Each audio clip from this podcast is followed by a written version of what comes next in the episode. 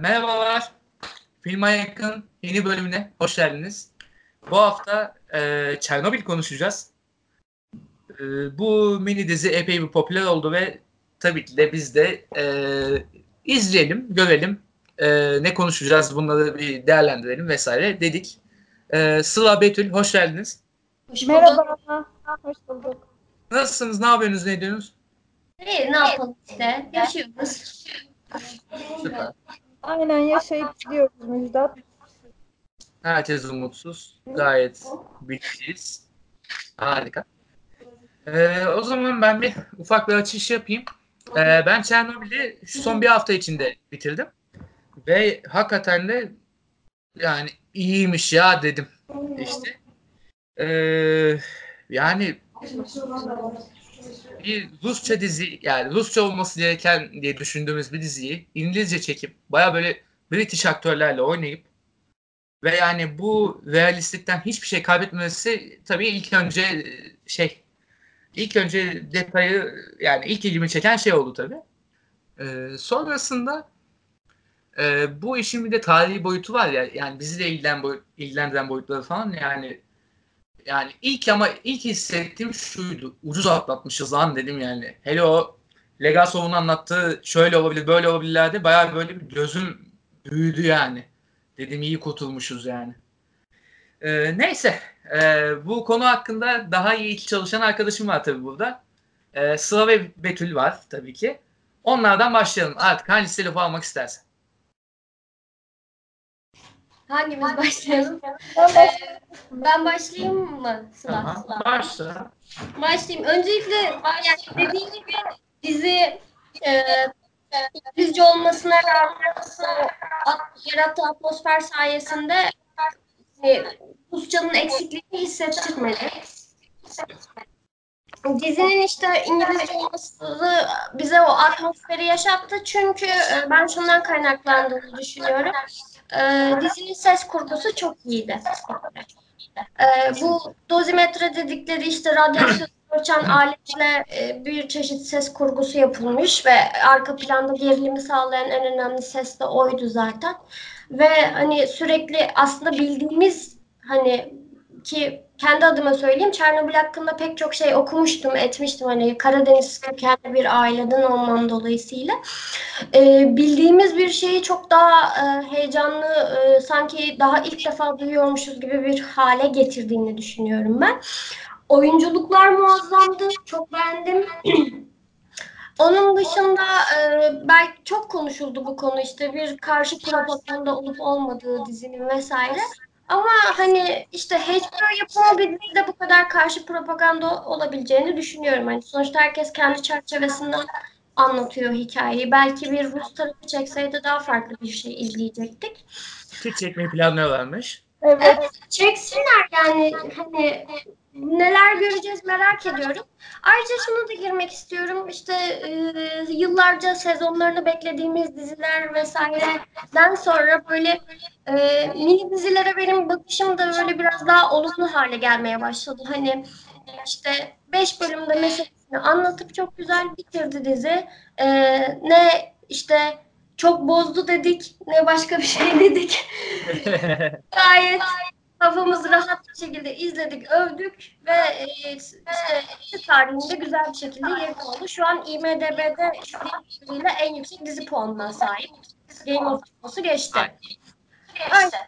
E, to- topu Sıla'ya atayım şimdi o zaman. Evet, evet. Diziyi ilk- ben de eş zamanlı takip ettim hafta hafta. Ee, ilk bölümü izledikten sonra Betül'den daha farklı olarak şeyi söylemek istiyorum. Hani bu diziyi kimler yapmış? İlk bir ona baktım. Ve hani hiç beklemediğim ve çok şaşırdığım isimlerle karşılaştım aslında. Dizinin yaratıcısı Craig Mazin. Daha çok bu Hangover ve Sc- Scary. Movie daha çok absürt komedi filmlerinin senaryosunu yazan bir senarist. Dizinin yaratıcısı Craig Mazin, dizinin yönetmeni de Johan Reck. İşte Breaking Bad, Vikings gibi dizilerin yani ünlü dizilerin birkaç bölümünü yönetip daha çok dünyasında sanatçıların videolarını çeken bir isim. Bunda işte bu isimler arasında David Bowie, Madonna gibi başarılı isimler de var. Bu müzik sektöründe de uğraştığı için dizi oradaki tecrübelerini diziye de çok iyi aktardığını düşünüyorum. Çünkü dizide gerçek bir çok iyi bir görsel hikaye anlatıcılığı da var atmosferi ya, atmosfer yaratma bakımında. Yani dizi izlediğinizde iç karartıcı, çekimsiz ve sürekli korkudan gerim gerim gerildiğiniz bir atmosfer görüyorsunuz. Eyvallah. Ee, şimdi e, ben yeni izleyen birisi olduğumdan e, çok fazla not e, elde edemedim tabii yani. Dizi bende daha oturmadı o kadar. Ama şöyle bir şey oldu. E, bizim Bakınız'ın bir Facebook grubu var. Böyle ortak yazıları falan Facebook'taki komentlerden oluşturuyoruz genelde. E, orada da Çernobil hakkında görüşlerinizi yazar mısınız diye bir başlık açıldı. Ben de orada yazdım bir şeyler ama e, mesela ilk yorum şuydu. Tek cümle yaptı bir arkadaş. E, bu dizinin bir anti-komünist dizi olduğunu düşünmüyorum. Falan. Ya, tabii ki de bir karşı e, propaganda bir durumu az çok da olsa var gibi görünüyor ama e, bu durumda çok böyle şey e, gerçekten kopmadan yapması hakikaten yani göze çarpan bir şeydi bence. E, şöyle diyeyim yani o Rus devlet işleyişini çok atıl, bürokratik devlet işleyişini de bence çok iyi yansıtmış. Çünkü bu e, yakın tarihle ilgilenen her insanın da bildiği gibi bir vaka yani. Yani Rusya'yı böyle öcü gibi göstermemiş ama o bürokratik iğrençliklerini bence çok iyi yansıtmış gibi geliyor bana. Yani Rusya dedim Sovyet'te yani. Ve Soğuk Savaş'ın son dönemlerindeki bir Sovyet'te yani. Siz ne düşünüyorsunuz? Şöyle e, burada iyi bir şeye değindin. Bu dikkat etmişsinizdir mutlaka. İşte film nerede çekildi bilmiyorum. Özel bir set mi kuruldu o kısmı da araştırmadım. Çekildi diye biliyorum. Çernobil'de değil de Litvanya'da bir set kuruldu diye biliyorum. Yanlış hatırlamıyorsam. Ee, öyleyse çok başarılı Sovyet mimarisini çok iyi yansıtmış. Hani işte o, o beton bloklu işte dümdüz binalar vesaire. Ben çok sevdim mesela o açıdan. Hani o görselliği de güzel verdiği için beni ikna etti böyle gayet Ukrayna'da, Moskova'da işte sanki orada çekilmiş gibi bir filmdi. Bu göz, yani görsellikten kastettiğini az çok canlandırdım kafamda. Hakikaten bu Sovyet mimarisi deyince aklımıza gelen o işte komünist binaları şey blok blok blok blok böyle. Tam o şey e, ilk, hatta Tokin'in ilk dönemlerinde tam Sovyet binası yaptılar falan dedikleri bina türünden işte. An, o tam gözümde canlandı ve hakikaten onu çok başarılı kullanmışlar. Yani o Doğu blokundaki o binalar şeyini iyi yakalamışlar. O Litvanya'da çekmeleriyle muhtemelen alakalı. Mesela 5 bölümlük bir dizi olmasına rağmen sadece bu felaketi değil, bu felaketin sosyal yaşama getirdiği etkileri de bu kısa sürede çok iyi anlatan bir dizi olduğunu düşünüyorum. O bölgede yaşayan insanların nelerle karşılaştıkları, hayatlarının noktadan sonra eskisi gibi olmayacağını, özellikle hikayeci ve onun eşi üzerinden çok anlattıklarını düşünüyorum. Anlattıklarını Kesinlikle. Ee, ve bu hikaye aksanını çok iyi kurdular bence. Yani her iki bölümde bir böyle bir bölümde bir veya farklı farklı karakterleri ele aldılar aslında. Tamam ana karakterlerimiz vardı. Ee, başkan yardımcısı, mühendis, e, Belarus ailelen mühendis kadın ve e, başka kimi diyebiliriz? İşte o Çernobil'de çalışan e, yetkililer. Ama onun haricinde işte o itfaiyeci gibi diğer son bölümlere yakın bu e, Pavel adlı çocuk mesela onların kuş vurma ekibi vesaire ama hayvan vurma ekibi vesaire. O akslardan sürecin e, toplumda nasıl işlediğini gördük bence. Ya işin bürokrasi kısmında da sürecin nasıl işlediğini gördük. Sonuçta Çernobil'e baktığımız zaman bu diyatları başta olmak üzere başta olmak üzere insanların hatası sonucu ortaya çıkan Aynen bir öyle. Yani durduk yere olan bir olay değil. Ve bu insanların aslında bir devleti, bir rejimi, Sovyet rejimini nasıl bir yıkımın eşiğine getirdiğini de bize o küçük e, bazı detaylarıyla çok güzel anlatıyor. Mesela bu detaylardan biri gözüme çarpan şeydi. Bu Kromyuk muydu? Komyuk muydu? O kadının ismi. Ee, o mesela belgeleri al, birkaç tane belge istiyor kütüphaneden. Ee, bayağı bir liste var. Üstünün %80'ini çiziyorlar. Bir tanesini veriyorlar. Bunu alabilirsin diyorlar. Mesela o tam bürokratik şey böyle dosyaların üstünü kapatma oyunları, KGB'cilik vesaire. Tam o bürokrasinin içine saplanmışı ve yani Sovyetlerin bir kıma doğru gittiği çıkmazı gösteriyor bence. Ee, peki peki.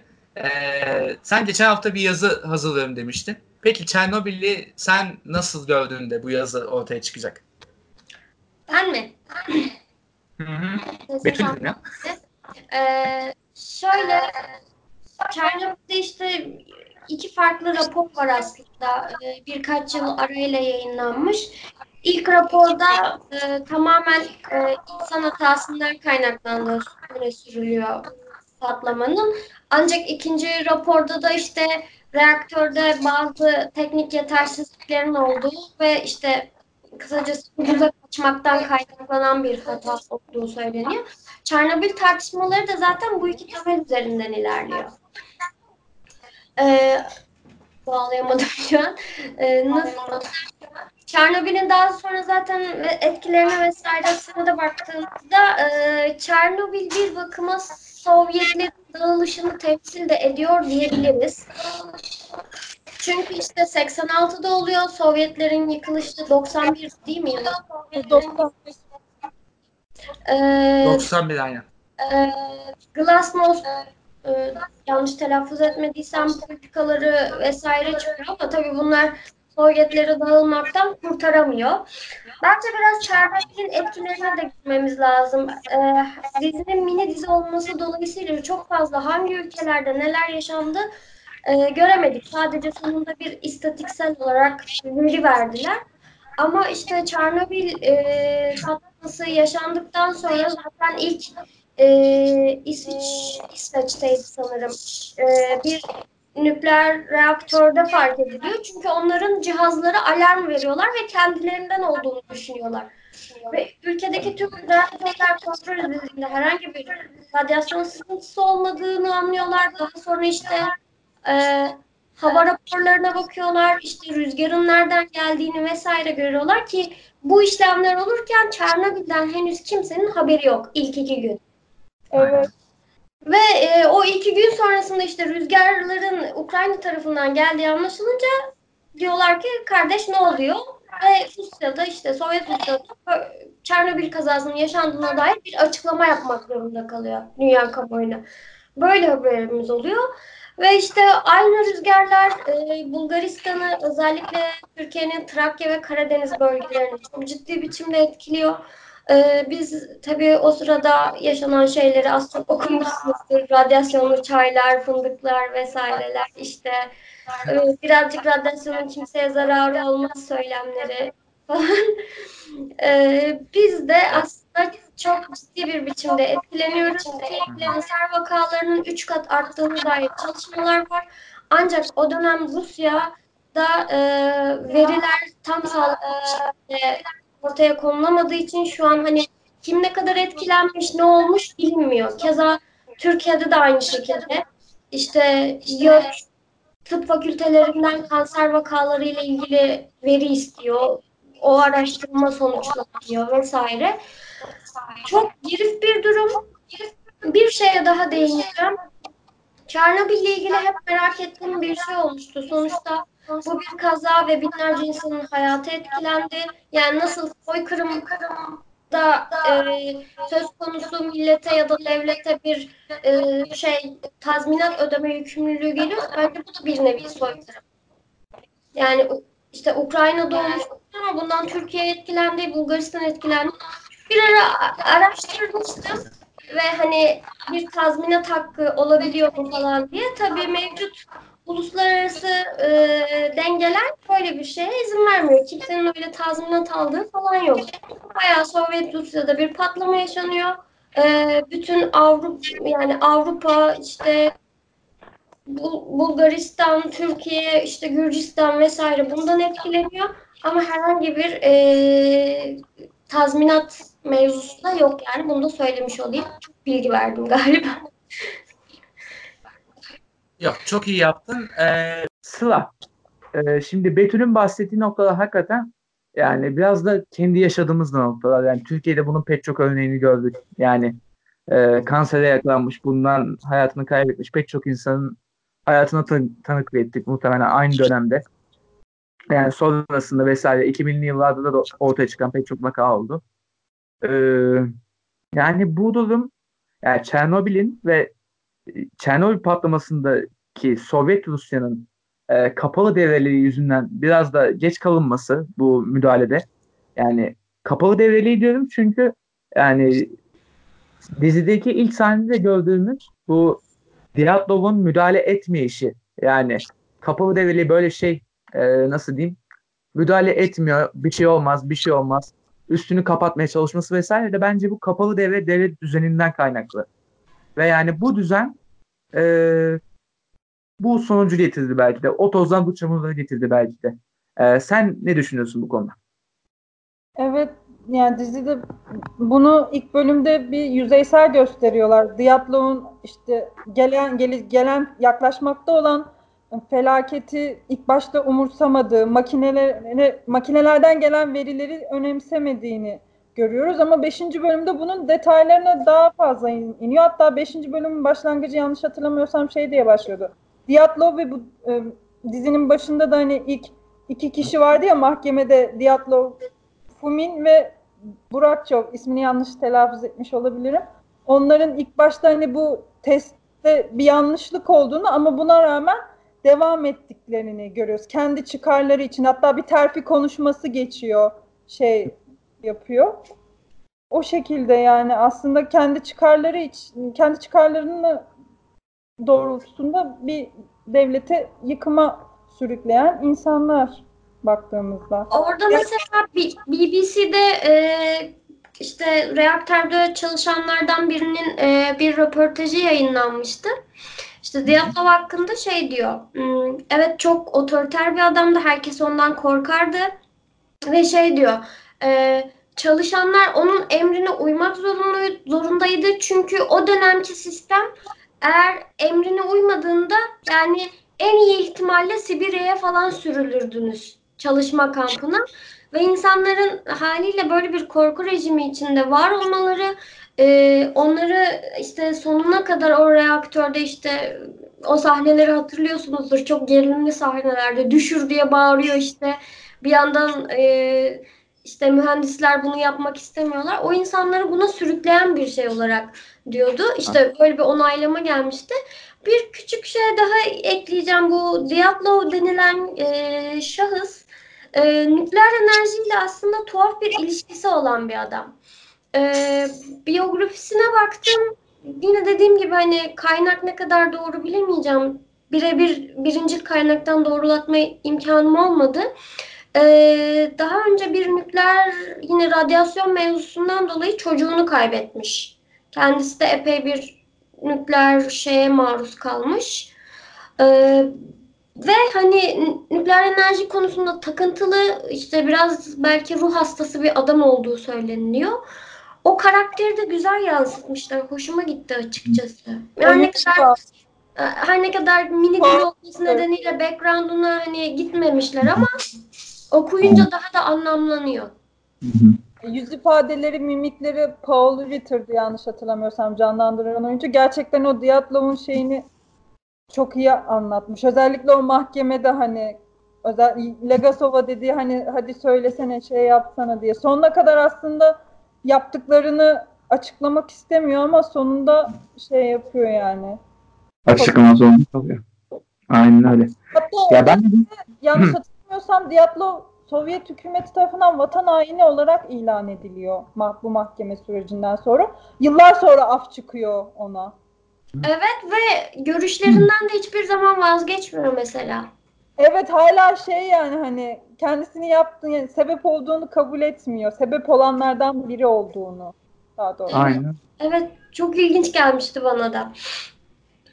Aynen öyle. Beşinci bölümün detaylarına çok iyi bir şekilde iniliyor. Aslında Betül'le de biraz konuştuk. Beşinci bölüm diğer dört bölümden daha farklı bir çizgide bence. Beşinci bölüm inanılmaz gerilimli bir bölümdü. Ee, yani sürekli o göstergeler vesaire e, ki hani bir patlama olacak ve bunu görecek göreceğiz biliyoruz. Hani zaten patlama sonrasın e, olanlarla dört bölüm buna hazırlandık. Ama yine de e, inanılmaz gerilimli bir bölümdü bence. Ve bu gerilimi bence gayet böyle güzel tırmandıra tırmandıra ilerledi. Her bölümün bir gerilimi vardı ama finale de müthiş sakladı bence. Kesinlikle. Her bölüm mutlaka gerildiğimiz sahne oluyordu. Mesela ikinci bölümde o dalgıçların su, tanktaki suyu boşalt, boşalt, boşaltıyorken fenerlerinin ışığının bitmesi. Daha sonra dördüncü bölümde çatıdaki granitleri almak almaya giden ekibin o 90 saniye boyunca yaşadıkları. Her bölümde aslında gerilimin bir tavan yaptığı bir nokta oluyor. Kesinlikle. Ve bu gerilimi de çok güzel e, çekimlerle de desteklemişler. Mesela e, granitleri almaya giden ekip demiştin ya. Orada mesela 90 saniyeyi plan sekans olarak vermiş. O anı e, seyirciyle bütünleştirmeyi de başarmış yani. O tedirginlik anını seyirciyle çok iyi bütünleştirmiş bence. O sahneyi şey bir yerde okumuştum. Ne kadar doğru bilmiyorum da hani kesmeden direkt tek çekimde Aynen. yapmışlar. Hı hı. Bu arada e, Çernobil'i izleyenler eminim beğeneceklerdir. Netflix'te e, 40. Şehir diye bir belgesel var. Ben de Çernobil'den sonra öyle gördüm ve izledim. E, aslında Rusya'nın ilk kazası Çernobil'de değil. 20 yıl sakladıkları bir kaza da var. Hadi ya. Ee, evet evet gerçekten 20 yet- 50'lerde mi 70 57'de miydi? Yanlış hatırlamıyorsam. O belgeseli izlerseniz göreceksiniz. Ee, Rusya'da bir şehir var ve haritalarda olmayan bir şehir aslında. İşte e, bu şehir tamamen nükleer enerji ve atom bombasının üretilmesi için kurulmuş bir şehir. E, şehrin sakinleri dışarı e, özel izinle çıkabiliyorlar. Şehre dışarıdan hiç kimse gelemiyor ve şehirde pek çok uf- ufak çaplı nükleer kaza yaşanmış. E, şehir zaten kirli bir şehir ve şehrin sakinleri de dolayısıyla bundan muzdaripler. Bu da çok ilginç bir belgeseldi. Bence Çernobil'le ilgilenenlerin de bu belgeseli merak edip izleyeceğini düşünüyorum ben. Nice. Fenaymış hakikaten. Ee, Ben, Ben şu an de- öğrendim 50'li yıllarda Rusya'da böyle bir patlamanın gerçekleşip bunun saklandığını. Ya Ben bir reaktör patlaması değil, nükleer atık tankı patlıyor. Ama tabii yine epey bir e, kirliliğe sebep oluyor radyoaktif. peki ben bir şey daha soracağım. Bu dördüncü bölümde geçen bir Leningrad'da patlama muhabbeti geçti. 10 yıl sonrasında hala onu konuşuyorlar vesaire. Onun hakkında bir bilginiz var mı acaba? Ben bir şey bakamadım. Hangisi? Şu an hatırlayamadım.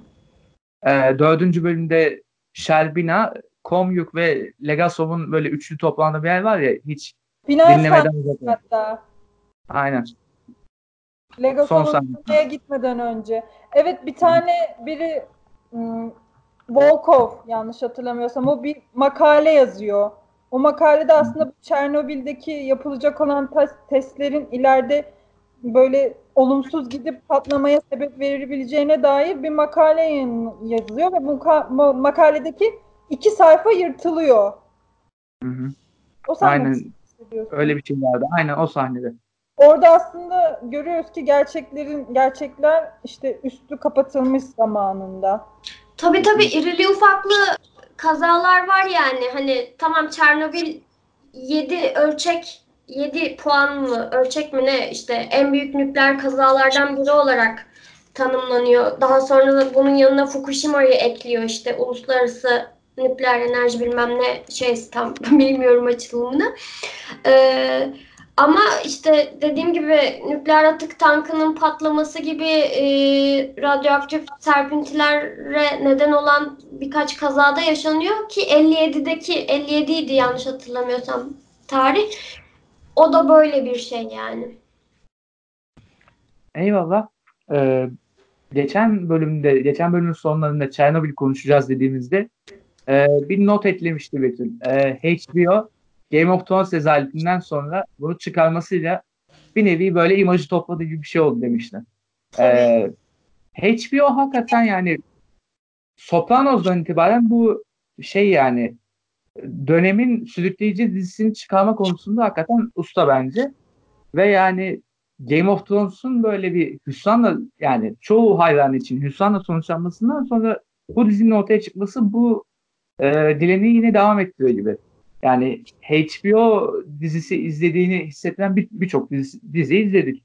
E, peki yani HBO dizilerinden izlediklerinizde böyle gözünüze çarpan hakikaten bu HBO dizisi de dediğiniz anlar oldu mu? Dizilerden mi? Tabii tabii. Var. Çok var. Hatta yani çoğu beğendiğim HBO dizisini evet HBO yine yapmış diyorum. Mesela yakın tarihte örnek verecek olsam geçen sene yine mini dizi Sharp Objects diyebilirim. Benim çok beğendiğim bir dizi oldu. Romanını da okumuştum.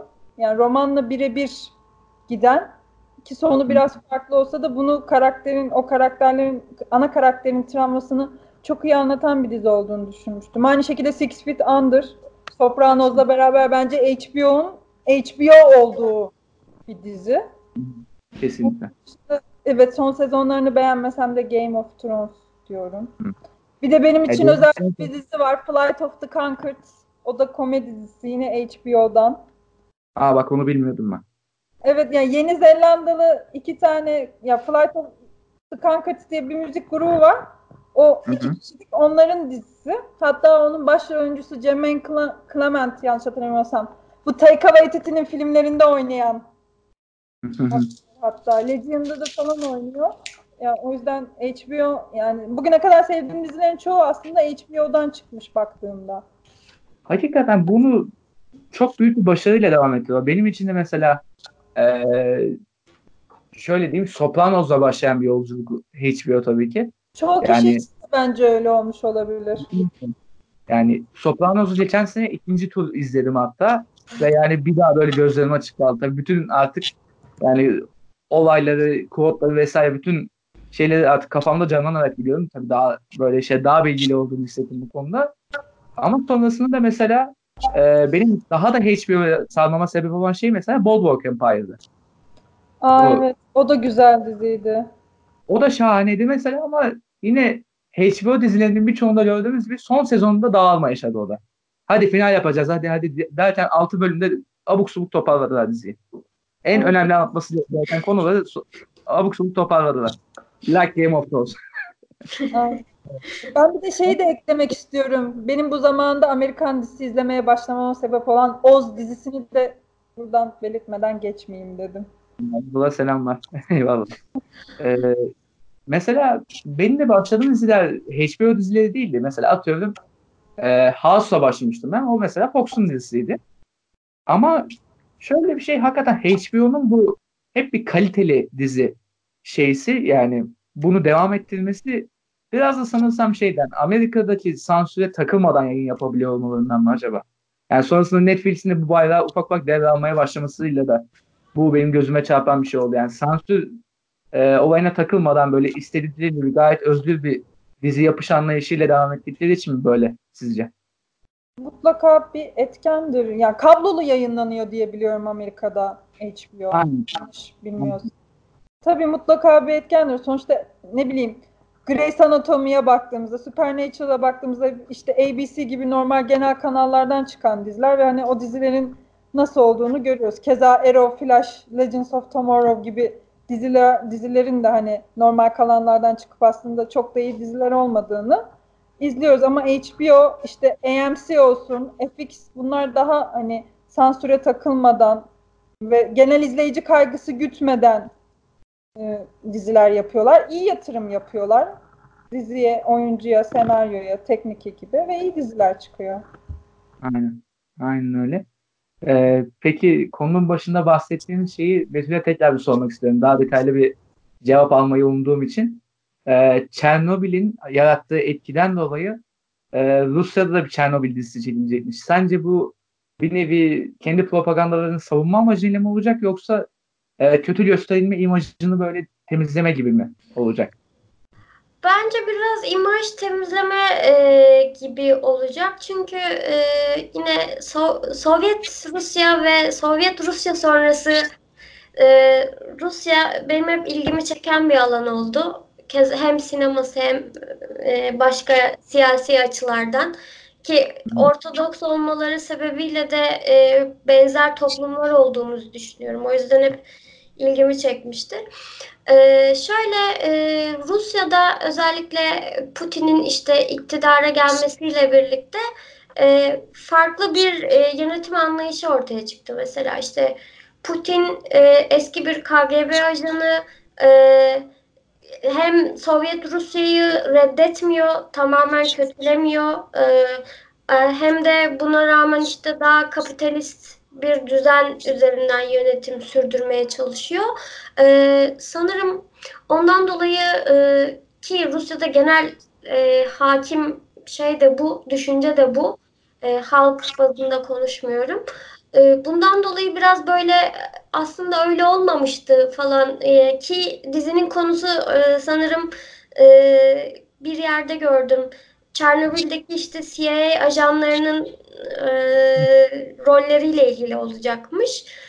E, sanırım biraz şeye getirecekler böyle hani Amerika'da bunu yaptı ama ya getirecekler. Yani soğuk savaş bitti diyorlar ama yok öyle bir şey. Yani şu an hala iki kutuplu veya hadi Çin'i de eklersek üç kutuplu bir dünya üzerinden baktığımızda şu an hala ciddi bir biçimde Amerika ve Rusya çatışması var ki bunu biz ülkemizde S-400 denilen işte füze sistemi üzerinden de görebiliyoruz vesaire. E, dolayısıyla böyle şey olacak herhalde. Aslında öyle olmamıştı. O kadar da nükleer bir şeyler olmamıştı falan diyecekler. Merak ediyorum. Sırf merak ettiğim için çekilirse izleyeceğim. Ne diyorlar acaba diye.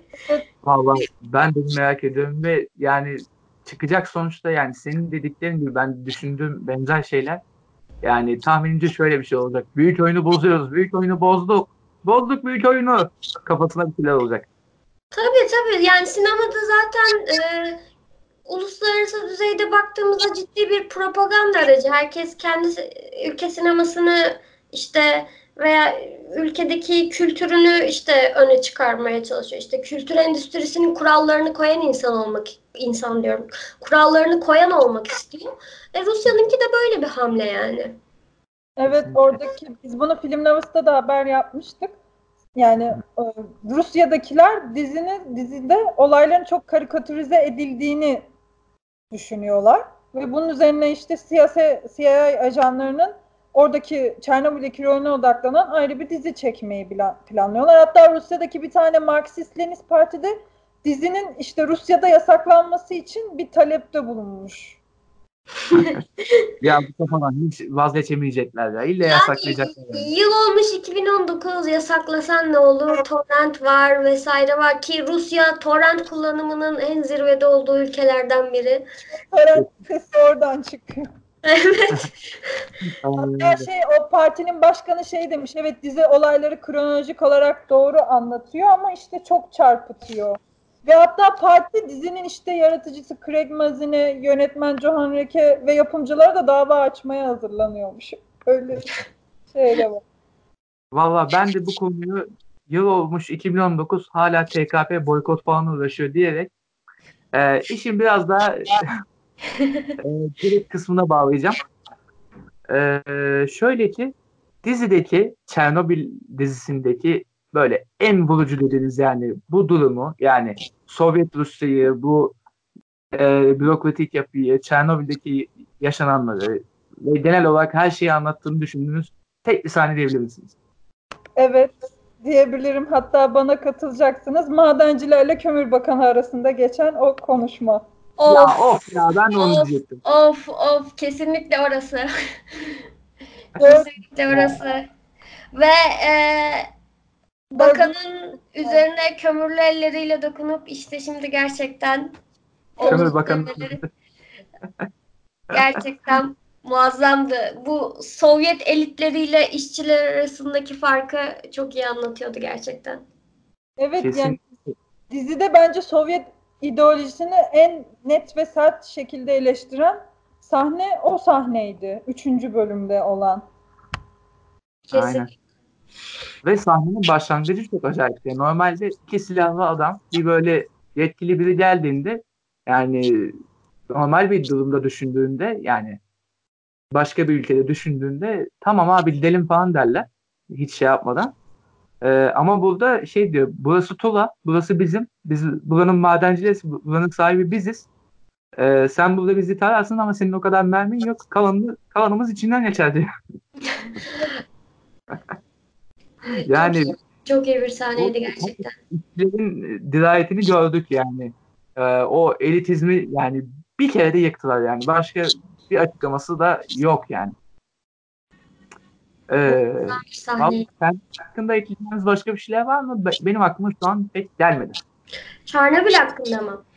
Hı. Ee, şimdi şöyle e, birkaç e, böyle bilgi daha vereyim. Şimdi dizide işte bu 4 numaralı reaktörün üstü kapatılıyor vesaire. E, 4 numaralı reaktörün üstü ilk etapta işte beton döküyorlardı sanırım.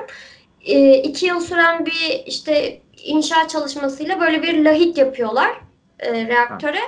Ancak bunun da dayanma süresinin 20 ile 30 yıl olduğu söyleniyor ve o 20 ile 30 yıl zaten 2016 yılında doldu. 2016 yılında bambaşka bir şey yaptılar. Böyle çelik vesaire beton böyle ka- karmaşık daha böyle karmaşık bir mühendislik sistemiyle yaptıkları e, yeni bir e, işte kapatma şeysi var. E, onun da 100 yıl dayanacağı söyleniyor. 100 yıl sonra ne oluruz bilemem. Ee, ve yine okuduğum ilginç bir şey vardı. Bu fil ayağı dedikleri e, çok aşırı radyasyonun olduğu bir şey var ve onların işte yanında 3 dakika kaldığında iç kanamadan e, insanın öldüğü söyleniyor.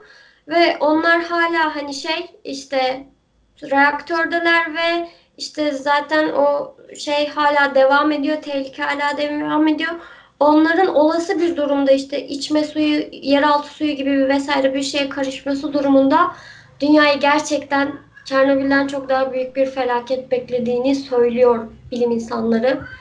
Beni asıl korkutan şey de bu açıkçası. Hani tamam patlama oldu bitti üstünü kapattık işte lahit koyduk 2016'da yepyeni bir şey koyduk vesaire korkutuyor. Bir şey daha diyeceğim. Ee, normal işte Çernobil'de 4 adet reaktör var. 5. ve 6.sı patlama olduğu sırada inşa ediliyor. Daha sonra bu 5 ve 6'nın işte inşası durduruluyor patlamadan sonra. Ancak diğer 3 reaktör 2000 kaç yılına kadardı? Orayı hatırlayamadım şimdi ama 2000 bilmem kaç yılına kadar çalışmaya devam ediyor mesela. Bu da ilginç Yuh, bir şey. nasıl bir güven bu ya? Nasıl bir güven bu hakikaten yani? Vallahi bravo. ee, sen bir şeyler eklemek ister misin?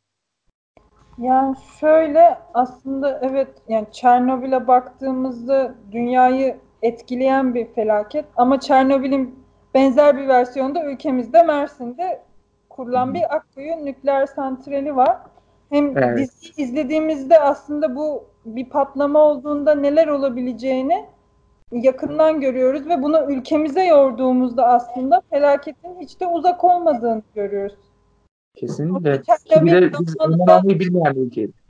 Aynen ya hatalardan ders çıkartmayı bil- bilmeyen bir ülke. Zamanında Betül'ün de değindiği gibi radyasyonlu çayları basın karşısında içmeler, işte fındıkları yemeler, radyasyondan bir şey olmaz diyen ülkeyi yöneten insanlar vardı.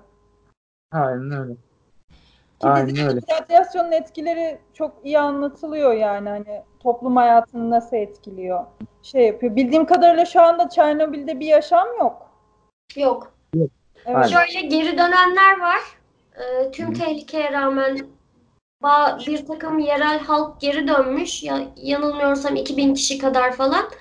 Ee, girilmesi yasaklı bölgelerde yaşıyorlar. Hı hı. Ve öyle bir durum var. Yani çoğunluğu yaşlılar diye biliyorum. Yani turistik olarak da sanırım şey. turistik olarak da çok hani gezinmeye izin verilmiyor diye biliyorum. Şöyle özellikle diziden sonra ve 2016'daki bu büyük işte üstünü kapatma mevzusundan sonra girişler daha da yoğunlaşmaya başladı. Böyle bayağı bildiğim e, turizm destinasyonlarından biri haline gelmiş. Hatta geçenlerde e, bir manken üstsüz poz vermiş falan Çernobil'de bayağı bir linç yemişti. Ee, şu an gidiyorlar. Hatta Türkiye'den giden birkaç kişinin gezi izlenimlerini de okumuştum. Ee, gidiyorlarmış ancak kesinlikle hiçbir şeye dokunmaları e, vesaire yasakmış. Yani öyle bir turizm var. Muhtemelen diziden sonra patlamıştır. Kesinlikle. Kesinlikle. Ee, o zaman e, bu haftalık son olarak e, ben şu bir iki notumu ekleyeceğim. E, trollümüz gelmedi bu hafta. Çünkü yayından önce bir uğradı kaçtı biz daha kayda başlamadan. E, ona da buradan selamlar. E, ve onun haricinde e, Akkuyu dedin ya Sıla'cığım. Ee, onun haricinde ben bir iki bir şey daha eklemek istiyorum. Trabzon'da yaşanan felaketi gördünüz. Aa, Selçuklu'nu.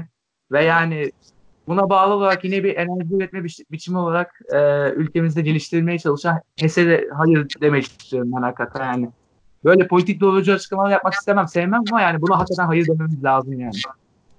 Kesinlikle hayır. Karadeniz'in Yani- bütün dereleri bir bir kuruyor çünkü. Aynen öyle. aynen ya ben hatırlıyorum. Ve buna babamın memleketindeki Gelevera Deresi de dahil olmak üzere. Aynen ya. Kazım Koyuncu'nun şarkısını kendi mi? Evet türküsü var.